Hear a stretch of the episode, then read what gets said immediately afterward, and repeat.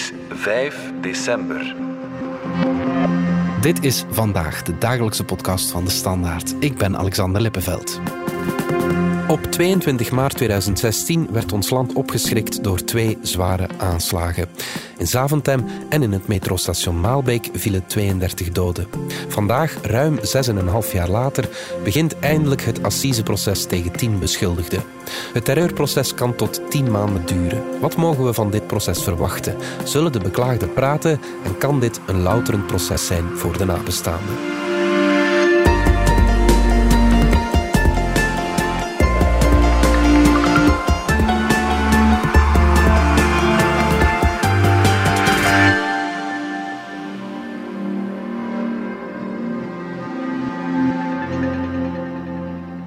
Dinsdag 22 maart 2016, 2 voor 8 s ochtends. A.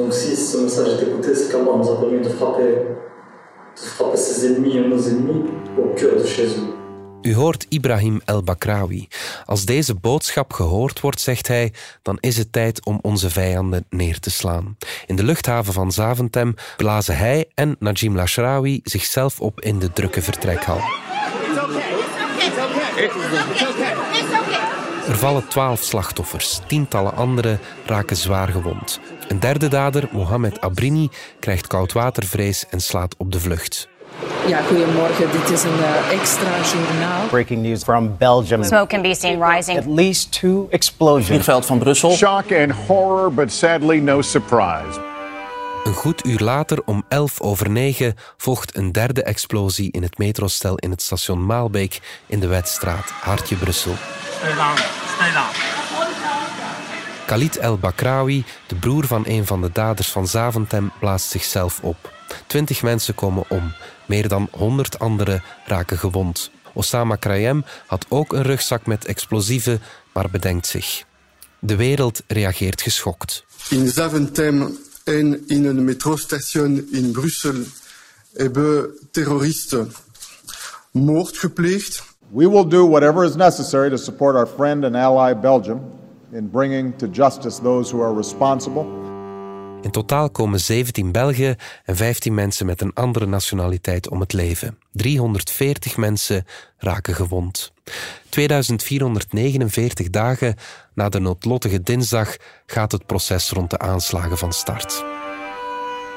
Mark Eekhout, misdaadreporter voor onze krant, welkom. Jij zal het proces over de aanslagen in Brussel volgen.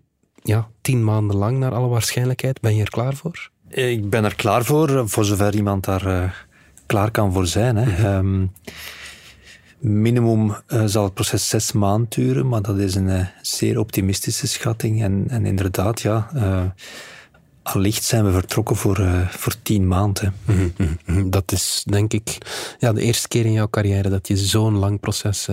Dat is de passeren. eerste keer, ja. Mm -hmm. Er zijn er wel al een aantal lange geweest.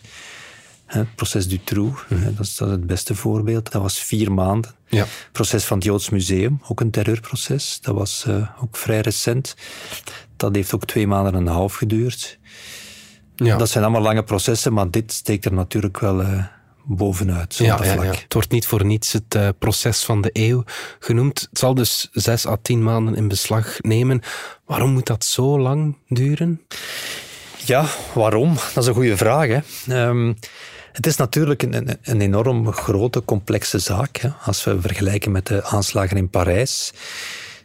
Meer doden, uh, meer gewonden, maar toch ook vergelijkbare aanslagen. Ja, dat heeft ook tien maanden geduurd. Mm -hmm. Um, daar was dan nog geen volksjury. Hier is dat wel zo uh, bij ons. Mm -hmm. Wat dan als gevolg heeft dat eigenlijk heel het onderzoek uh, mondeling moet overgedaan worden. Want de juryleden die eigenlijk nergens van weten, van niks weten, aan hen moet, moet, uh, ja, moeten al de actoren van justitie zeggen wat hun uh, onderzoek heeft opgeleverd. Ze moeten dat allemaal vertellen. Mm -hmm. En dat neemt enorm veel tijd in beslag. Sowieso neemt die mondelinge assiseprocedure veel meer tijd in beslag dan een uh, gewone correctionele rechtszaak die voor beroepsrechters wordt gepleit. Woensdag is de jury dan gekozen. Is dat vlot gegaan? Alle verhoudingen in acht genomen is dat vlot gegaan, maar het heeft natuurlijk nog nooit eerder, in welk assiseproces dan ook, zo lang geduurd. Hè. Die, Die zitting om de jury te kiezen is uh, begonnen om tien uur. En tegen elf uur s'avonds was er uiteindelijk een definitieve jury van 12 effectieve juryleden en 24 reserven. Oké. ja. ja, dat is een ongelooflijk omslachtige procedure geweest. De, de voorzitter van Assise, Laurence Massard, had maar liefst duizend kandidaat uh, juryleden opgeroepen. Daar hebben er ook nog een heel aantal geprobeerd met, met verschillende redenen, uh, al dan niet terecht, uitvluchten of, of, of geen uitvluchten, hebben die geprobeerd om er onderuit te komen. En uiteindelijk zijn er 250 mensen in, in de pot terechtgekomen. En uit die 250 zijn dus de, de 36 juryleden gelood. Ja, ja, ja. Nu, we doen daar soms eh, een beetje lacherig over, over al die uitvluchten die, die juryleden verzinnen om niet in een jury te moeten zitten. Maar stel u zelf maar eens voor hè, dat men u vraagt om minimum zes maanden, maar waarschijnlijk ja. tien maanden heel uw leven uh, on hold te zetten, heel uw leven eigenlijk om te gooien. Ja. Uh, om daar tien maanden te moeten gaan zitten. Hè. Dat is... Voor een week of twee allemaal goed, maar, maar Absoluut. Zes, zes maanden lang minstens. Absoluut, dat is ja. iets anders. De assisevoorzitter die zegt natuurlijk, ja kijk, uh, vroeger moesten alle mannen hun legerdienst doen. Ja. Hè, dat was ook twaalf maanden die, die je kwijt was. Dus je zou dit kunnen zien als een, als een vorm van burgerplicht. Ja, ja, dat is het ook. Hè? Dat ja. is het ook, ja. dat klopt. Maar ja, we mogen wel niet, niet blind zijn voor het feit dat dat voor, uh, voor veel mensen uh, echt wel enorm moeilijk is. Er zijn eigenlijk tientallen redenen te verzinnen waarom, waarom dat mensen dat eigenlijk niet willen. En, ja. en ook redenen waar dat je echt wel begrip voor kan hebben. Ja, absoluut. Dan zijn er toch nog wel heel wat uh, bezwaren tegen die, die assise-jury. Hè? Toch in dit geval. En zijn, zijn die mensen klaar bijvoorbeeld om zo'n dat proces met die ja, toch wel heel gruwelijke feiten ja, te Dat is een goede vraag. Ja. Nu, daar is al lang discussie over. En ik denk eigenlijk dat er, dat er zelfs een soort consensus is over het feit dat dergelijke ingewikkelde, complexe zaken over terrorisme en neem er ook maar grote misdaad bij, hmm. dat die eigenlijk niet voor assisen horen. En in, in Frankrijk bijvoorbeeld worden terreurprocessen al sinds uh, de jaren tachtig niet meer voor assise ge gevoerd. Okay. Dat heet nog wel cour d'assises, hof van assisen, maar het zijn in, in werkelijkheid beroepsrechters. Mhm. Trouwens, federaal procureur Frederik van Leeuw heeft het al verschillende keren gezegd dat hij tegen assisen is voor die grote zaken. 90% van de advocaten zijn het daar ook mee eens. En hetzelfde geldt voor de magistraten. Mhm. Uh, niemand is eigenlijk nog echt voorstander uh, van dat soort ingewikkelde assiseprocedures. Alleen ligt het politiek nog altijd bijzonder moeilijk. Omdat ja, natuurlijk, assisen is het, is het volk dat recht spreekt. Ja. En dat ligt natuurlijk ja, heel gevoelig bij de politiek om daar iets aan te veranderen. Hè. Mhm. Vooral aan Franstalige kant dan. Ja. En dus men heeft geprobeerd om deze zaak voor de beroepsrechters te krijgen, maar dat is niet gelukt. Ja, oké. Okay. Wat mij het meest frappeerde, Mark, is dat je tijdens dat proces geen ja, psychologische bijstand kan krijgen. Dat het alleen na afloop is, uh, omdat ja, je niet beïnvloed mag, mag worden. Is dat niet, uh, ja, ge, heb je geen hoog risico op mensen die gewoon uitvallen tijdens dat proces? Ja, je hebt sowieso een uh, hoog risico op mensen die uitvallen. Al was het maar ja, zes maanden, zeven maanden, acht maanden, tien maanden daar gaan zitten zonder, zonder ooit ziek te zijn. Ja, dat is, dat is al bijzonder moeilijk. Ja. En al zeker in coronatijden. Ja. Uh, ja. En dan zwijgen we nog over de, ja, de, de psychologische impact van al die dingen die die mensen gaan te zien krijgen. Hè. Die krijgen voor hen gepresenteerd uh, foto's van ontploffingen op Savent en, en Maalbeek. Ja, foto's, filmpjes ook van, uh, van de lichamen die daar lagen. Gekwetsten, doden. Mm-hmm. Uh, foto's van autopsieën. Ja, dat zijn allemaal dingen die, die op uh, netvlies van mensen gebrand blijven. Hmm. Mm. Neem daar nog eens bij al die verhalen die gaan komen van, van mensen die een nabestaande zijn verloren, die kwetsuren hebben, die, die, ja, die eeuwig gaan, gaan, gaan blijven. Dat zijn verhalen die niet in de koude kleren kruipen. En, mm. en dat is inderdaad niet makkelijk te dragen voor die juryleden. Normaal moest het proces in september van start gegaan zijn, maar toen was er die rel over de glazen boksen waar de beklaagden apart in zaten, elk apart. En dat was volgens hen een inbreuk op de mensenrechten. Intussen zijn die boxen aangepast en is er één grote glazen box. Dat was al een, een ruil, zeg maar. Denk je dat het voor de rest een sereen proces zal worden, Mark? Of vrees je nog veel meer incidenten? Ik hoop het dat het een sereen proces wordt. Ik heb er ehm, soms een beetje mijn twijfels bij. Maar goed, we zullen zien. Hè. Laat ons hopen dat het een uh, sereen proces wordt. En al zeker voor de slachtoffers en ook voor het beeld van, uh, van de Belgische justitie. Hè. Want je mag toch niet vergeten, dit is toch wel een, uh, ja, een voorbeeldproces. Hè. Dat is iets, een proces waar heel, heel de wereld naar kijkt. Als we er niet in slagen om dit tot een goed einde te brengen, ja, dan slaan we echt wel een modderfiguur. Ja, daar zit niemand op te wachten. Laat ons eens overlopen, Mark, welke terroristen er terecht staan. Wie zijn de belangrijkste verdachten? Wel, er zijn tien beschuldigden, uh, maar slechts negen ervan gaan aanwezig zijn, want de tiende, die algemeen wordt aanzien als het, uh, het grote brein achter de aanslagen, dat is uh, Oussama Attar. Hmm. oorspronkelijk afkomstig uit Laken, maar die is ja, in Syrië gaan vechten en de theorie is eigenlijk, of, of ja, de, de stelling van de openbare aanklager is dat Attar de aanslag in Brussel en Zaventem vanuit Syrië heeft gecoördineerd. Ja. Hij heeft trouwens net hetzelfde gedaan in Parijs. En daar is hij in Parijs voor, tot levenslang voor veroordeeld. Nu, ja. Attar is niet aanwezig op de zitting. Waarom? Omdat hij meer dan waarschijnlijk uh, in Syrië een aantal jaar geleden is, is omgekomen bij een uh, droneaanval van het Amerikaanse leger. Okay. Zijn dood is niet 100% bewezen, ja. uh, wel 99,9%. Maar omdat het dus niet helemaal vaststaat dat hij dood is, staat hij ook mee terecht bij verstek. Ja, oké. Okay, ja. Dus voilà. Maar naast um, Attar ja, zijn de, de belangrijkste um, Mohamed Abrini, mm -hmm. beter bekend als de man met het hoedje. Ja.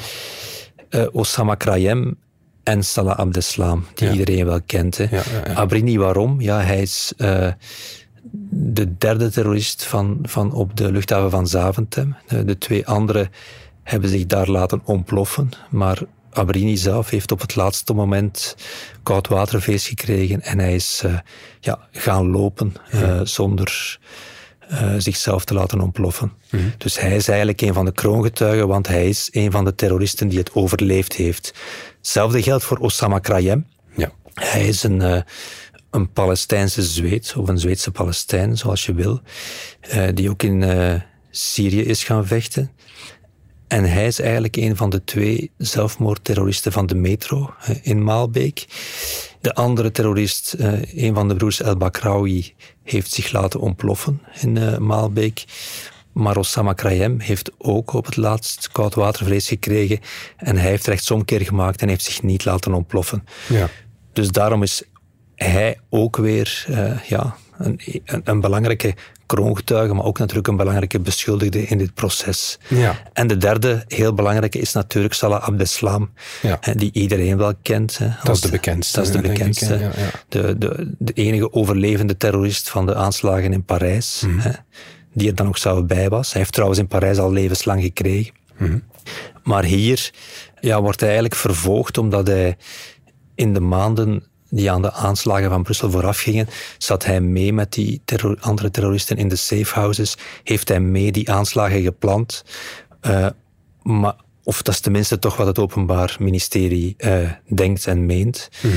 Maar voor de aanslagen hebben plaatsgevonden, vier dagen ervoor, is uh, Salah Abdeslam gearresteerd in, in Vorst. Ja. Dat zijn ook beelden die iedereen zich nog wel herinnert. Dus aan de aanslagen zelf heeft hij niet deelgenomen. Welke vragen moet het proces eigenlijk nog allemaal beantwoorden? Is er niet dat heel veel wat we al gewoon weten? Ja, dat klopt. Er is inderdaad heel veel wat we al weten. Eh, ik zou zelfs durven zeggen, er is bijna... Er is nog heel weinig dat we, dat we niet weten. Mm -hmm. Uh, de speuters hebben eigenlijk een, zeer minutieus onderzoek uh, gedaan. Er zijn twee overlevende terroristen, Abrini en uh, Krayem, die hebben allebei toch wel wat verteld. Er zijn camerabeelden van de dagen, de dagen en de momenten van de aanslagen. er, is, er zijn zoveel elementen dat je echt bijna van minuut tot minuut die dag kan reconstrueren. eh, van de aanslagen zelf. De feiten zelf zijn dus eigenlijk, wat mij betreft, eh, vrij duidelijk. Veel van die beschuldigden, Mark, eh, die nu terecht staan, die zijn, dat zijn hoofdzakelijk dezelfde als eh, diegenen die achter de aanslagen in Parijs zaten, zoals eh, Salah Abdeslam. Die zijn daar al voor veroordeeld, vaak levenslang. Waarom is dan nu nog een nieuw proces nodig? Ja, Salah Abdeslam die heeft eh, levenslang gekregen in Parijs, dat klopt. Abrini trouwens ook. En eh, Osama Krayem, eh, die heeft in Parijs 30 jaar cel gekregen. Dus dat zijn sowieso zware straffen. Dus ja, het kan een beetje absurd lijken eh, dat een proces tegen dezelfde beschuldigden voor eigenlijk feiten die ook met, met elkaar te maken hebben, dat zo'n proces twee keer gevoerd wordt. Maar bon, dat hoort bij de democratie natuurlijk. Ja. Eh, ieder land heeft zijn eigen rechtssysteem en heeft eh, recht om zijn eigen proces eh, te voeren. Ook al zou het misschien logischer geweest zijn om heel die, ja, die groep terroristen samen terecht te doen staan voor de aanslagen van Parijs en van Brussel. Ja. En dat proces had dan kunnen plaatsvinden in Parijs of in Brussel, één van de twee. Ja, ja. Maar goed, men heeft een andere keuze gemaakt. eh, ja, ook omdat het eh, ja, politiek allicht niet anders haalbaar was. Een terechte vraag die je ook kan stellen is, is of die beschuldigden, eh, Salah Abdeslam, Osama Krayem, Mohamed Abrini, die in Parijs al zo zwaar zijn veroordeeld, of die hier in Brussel nog gaan willen praten. hè. In Parijs hebben ze dat wel gedaan. Een beetje tot een ieders verbazing, hè, want in het begin van het proces antwoordden die nauwelijks op vragen. Maar na een aantal weken en maanden is dat, is dat eigenlijk fel verbeterd. En hebben die alle drie en ook de anderen op veel vragen geantwoord. Maar goed, ondertussen zijn ze veroordeeld. Ja, wat hebben ze nu nog te winnen? ja. Om hier in België nog eens net hetzelfde te doen. Dat is ook een beetje waar hun, eh, hun advocaten voor vrezen. Hè? Dat, dat ze zich van proces eigenlijk helemaal niks gaan aantrekken. Dat ze niet gaan praten en dat eh, ja, de slachtoffers op hun honger gaan blijven zitten. Hè? En op dat vlak was eh, de eerste dag van het proces, toen de jury verkozen werd, een slecht begin, want Osama Krayem die heeft eigenlijk eh, de hele tijd met zijn, eh, met zijn hoofd op zijn armen gelegen, half al slapend. En, en hij weigerde zich zelfs voor te stellen toen de voorzitter hem daarnaar vroeg. Dus ja, dat is geen positief teken. Maar goed, de tijd zal het moeten leren. Hè. Ja, absoluut. Zo dadelijk hebben we het over eh, wat dit proces voor de slachtoffers kan betekenen. Maar eerst gaan we even uit voor reclame.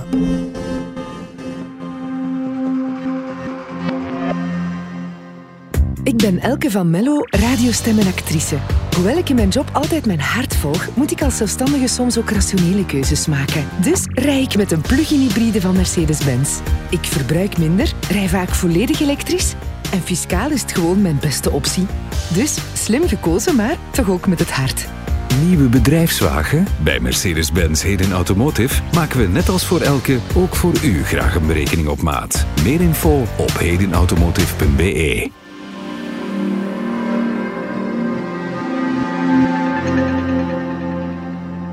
Mark, vorige week heb je voor ons weekblad nog twee slachtoffers van de aanslagen geïnterviewd. Sébastien Bellin en eh, Karen Northshield. Hoe gaat het met hen? Eh, ja, dat is een moeilijke vraag. Hoe gaat het met hen? Zowel Berlijn als Kern Noordshield zijn eh, bij de aanslagen in Zaventem heel zwaar gewond geraakt. Vooral dan Kern Noordshield, die eigenlijk bijna geen kans op overleven had, eh, zeiden de dokters nadat ze in het ziekenhuis was opgenomen. Die was er zo slecht aan toe eh, dat het eigenlijk een mirakel is dat ze nog leeft. Het gaat beter met haar nu. Hè. Iedereen dacht ze gaat ofwel voor eeuwig in haar bed moeten blijven liggen of in maximum in een rolstoel. Ja, vandaag loopt ze op krukken. Ja. Eh, dat, is een, dat is voor haar een geweldige overwinning. Sébastien Bellin, die was heel zwaar gewond aan zijn benen. Ja, die heeft in oktober nu de Ironman eh, gelopen. Ja. Eh, dat zijn natuurlijk mensen die een ongelooflijke overwinning op zichzelf hebben eh, gehaald en die daar eigenlijk bovenmenselijke inspanningen voor geleverd hebben. Maar, en dat geven ze toch ook toe, hè, het blijft wel een dagelijks gevecht. Niet alleen met de lichamelijke gevolgen van die aanslagen, maar ook met de geestelijke gevolgen. Want het is natuurlijk niet simpel van... Ja, zowel Berlijn als Kern Noordschild waren voor de aanslagen eigenlijk allebei topatleten. Mhm. Zeer, zeer, zeer sportief. En nu zijn ze allebei gehandicapt. Hè. Dat is niet alleen lichamelijk moeilijk om te dragen, maar ook geestelijk is dat, is dat niet te onderschatten. Ja. Dus ja, dat zijn mensen die allebei graag en gemeend zeggen: Het gaat goed met mij, ik ben een overlever, Eh, ik ben geen slachtoffer. Maar als je er van even verder en met enige afstand naar kijkt, ja, het zijn natuurlijk wel slachtoffers en ze hebben het nog altijd zeer, zeer moeilijk. Ja, ja. En hoe kijken Karen Nordschild en Sébastien Belin vandaag naar het proces? Gaan ze bijvoorbeeld gaan? Ja, zoveel slachtoffers, zoveel meningen. Eh, Sébastien die wil gaan eh, naar het proces. Hè. Die, die wil die terroristen in de ogen kijken. die wil horen wat er gezegd wordt. En zo zijn er nog andere slachtoffers, maar anderen, zoals Kern Noordschild, ja, die, die twijfelen nog. Ja, die zeggen, wat kan ik op dat proces nog leren? Ik, ik weet alles al, ik ken de feiten. De honderd eh, stukken eh, shrapnel van de bom die in mijn lijf zitten, dat zijn de feiten. Eh, zij kunnen mij niks bijbrengen. Wat zij vertellen kan mij niks bijbrengen. Ja. Dat is wat zij nu zegt en vele andere slachtoffers met haar. Anderzijds, we hebben in Parijs gezien dat, dat veel slachtoffers die in het begin die mening waren toegedaan, uiteindelijk toch zijn gekomen Ja. en zijn gebleven bovendien. Ja, ja, ja. En zich achteraf toch, ehm, achteraf toch tevreden waren dat ze geweest waren, dat ze het allemaal gehoord hadden. Want ergens eh, gaf hen dat ook wel een troost. Ja, ja. Ehm, Karen Nordschild die zei tegen jou, als ik kwaad ben, dan is het meer op het systeem dan op de terroristen. Wat bedoelde ze daar eh, juist mee? Ja, zowel eh Karen Noordschild als, als Berlijn, als, als ja, tientallen andere slachtoffers hebben de, de voorbije jaren enorm veel problemen gehad om, om tot akkoorden te komen met, met de overheid en de verzekeringen om hun schade te laten vergoeden. En vele van hen, en zeker Kern Noordschild, ja, beschouwen dat als, als eh, ja, bijzonder vernederend. Hè. Om de zoveel maand moet zij bewijzen wat haar lichamelijke schade is, om- om daar dan een, eh, ja, een uitkering en, en een vergoeding voor te krijgen. Ja. Maar dat is een beetje dubbel natuurlijk, want zij werkt zo hard aan haar herstel. Elke dag uren en uren en uren aan haar fysiek herstel en geestelijk herstel. En dat is eigenlijk haar eigen inspanning. Dus zij wordt eigenlijk beter door wat ze zelf doet, wat ze zelf presteert. Maar met elke inspanning die ze levert, zeggen de overheid en de verzekering van ja, kijk, maar je bent beter, dus je krijgt minder. En dat is wat het juist zo, zo onrechtvaardig eh, maakt. Ja, ja. En daar hebben ze het moeilijk mee. Nu, die onderhandelingen lopen nog. En ze hebben allebei vertrouwen in dat het ook wel goed komt. Maar uiteindelijk zijn we nu bijna zeven jaar na de feiten. En die discussie is er nog altijd. ja. En ik begrijp hen dan wel als ze zeggen van ja, waarom moet dat nu zo lang duren? Ja. Het is toch... Je zou voor minder kwaad worden. Het is toch duidelijk. Het, is toch, het is zelfs gruwelijk duidelijk. Hè? Ja, ja, ja. Tot slot, Mark, het proces van Parijs was voor de slachtoffers louterend. Dat zeiden de slachtoffersverenigingen ook achteraf. Kan dit proces ook voor de slachtoffers van Brussel louterend zijn? Maar ik hoop het in elk geval voor hen dat het louterend zal zijn. Eh, ik moet eerlijk zeggen, ik had na het proces in, in Parijs nooit verwacht dat de slachtoffers zo unisono positief zouden zijn over wat ze meegemaakt hadden. Ja, dat maakt zo'n proces de moeite waard. En ik hoop dat dat hier in Brussel ook zo zal zijn. Dat gaat er natuurlijk voor een groot deel van afhangen over een soort noem het mijn groot woord, interactie is tussen de beschuldigden en de slachtoffers. Of zij iets gaan willen zeggen, eh, die terroristen, waar de slachtoffers dan iets aan hebben. En als dat allemaal zo is, eh, dan kan dat ergens wel voor de slachtoffers een troost zijn. Maar daarom kunnen we alleen maar hopen eh, dat het proces op een serene manier verloopt en dat het tot een goed einde wordt gebracht en dat het niet in de soep draait. Goed, Mark Eekhout, dankjewel. En graag gedaan. Blijf nog even hangen, want ik heb een bijzondere luistertip. Waar lig jij wakker van? Wat moet ik opgeven voor mijn kind? Dat ik mij schuldig moet voelen over het klimaat. Vijf jonge redacteurs van De Standaard gaan op zoek naar antwoorden op persoonlijke vragen in de podcastreeks Klaar Wakker. Als ik nu bijvoorbeeld aan jou zou vragen van wat is voor u thuis zijn? Hoe kunnen we samen veiliger uitgaan? Is dat huis en die zekerheid mij dan zoveel waard? Luister naar de reeks Klaar Wakker in de app DS Podcast of op je favoriete podcastplatform. Dit was vandaag de dagelijkse podcast van De Standaard. Bedankt voor het luisteren. Volg ons op Spotify, Apple Podcast of eender welk ander podcastplatform. In onze gratis app DS Podcast kan je niet alleen ons werk beluisteren, maar ook de beste podcasttips terugvinden met zorg geselecteerd door onze redacteur Max de Moor. Alle credits van de podcast die je net hoorde vind je op standaard.be-podcast. Reageren kan via podcast.standaard.be. Morgen zijn we opnieuw.